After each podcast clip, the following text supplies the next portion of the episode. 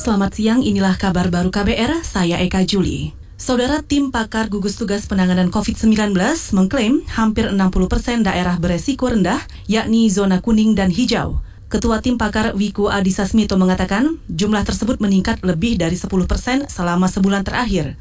Gugus mencatat sebanyak 30-an daerah beralih dari zona kuning ke hijau dengan menekan jumlah kasus baru dan nihil kematian. Namun di wilayah Jawa, hanya Pekalongan dan Wonogiri, Jawa Tengah, serta Kepulauan Seribu DKI Jakarta yang masuk daftar itu. Peta zonasi sejak tanggal 31 Mei sampai dengan 21 Juni terlihat bahwa daerahnya dari 46,7 persen yang berisiko rendah dan hijau ternyata naik uh, turun menjadi 44 dan naik terus 52 persen, 58 persen, tiga sekarang. Jadi relatif hampir 60 persen daerah di Indonesia kondisinya uh, risikonya rendah dan hijau. Dan untuk itu beberapa sektor yang aman sudah mulai dibuka. Next slide.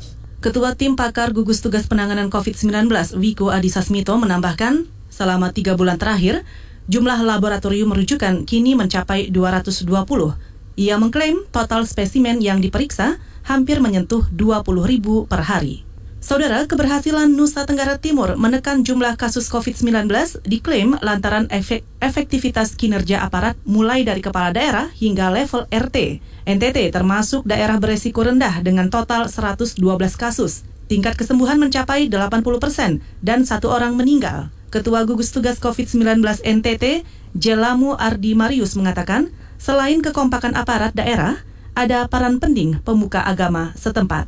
Jadi kontrol dari masing-masing bupati terhadap hmm. arus orang antara wilayah itu tinggi sekali. Ya. Tidak hanya kontrol oleh bupati, tetapi sampai di ketua RT pun dan hmm. warga sangat kuat mengontrol uh, keluar masuknya orang. Ya. Nah, yeah. memang ada juga dampak negatif. Saking terlalu kontrolnya, lalu kemudian uh, mereka membatasi semua pergerakan orang yang oh, yeah. kadang-kadang ya itu juga. Tapi ini kewaspadaan. Ketua Gugus Tugas NTT Jelamu Ardi Marius menyebut warga desa lebih disiplin menerapkan protokol kesehatan seperti mengenakan masker ketimbang masyarakat kota. Kata dia, mayoritas warga memahami bahaya berkerumun sehingga mereka menghindari keramaian dan menerapkan jaga jarak. Kita ke berita olahraga. Kevin Sanjaya Reza Pahlevi untuk sementara menempati posisi teratas klasemen ganda putra turnamen internal PBSI. Mereka hanya unggul selisih poin dari saingan terdekatnya, Fajar Alfian Yeremia Erih Dua ganda ini sama-sama mengemas tiga kemenangan dan belum pernah kalah. Pada laga pagi tadi, Kevin Reza menundukkan duet Markus Gideon Sohibul Fikri dua set langsung, 21-18, 21-14. Sedangkan Fajar Yeremia mampu mengatasi permainan Muhammad Ahsan Leo Karnando dalam laga sengit tiga set. Enam pasang ganda putra pelatnas akan kembali bertanding di sesi berikutnya mulai pukul 3 sore nanti. Saudara demikian kabar baru, saya Eka Juli.